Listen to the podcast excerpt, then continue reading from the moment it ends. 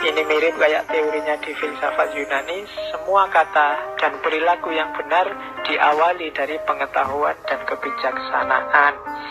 Ilmu pengetahuan adalah rekan manusia yang paling penting.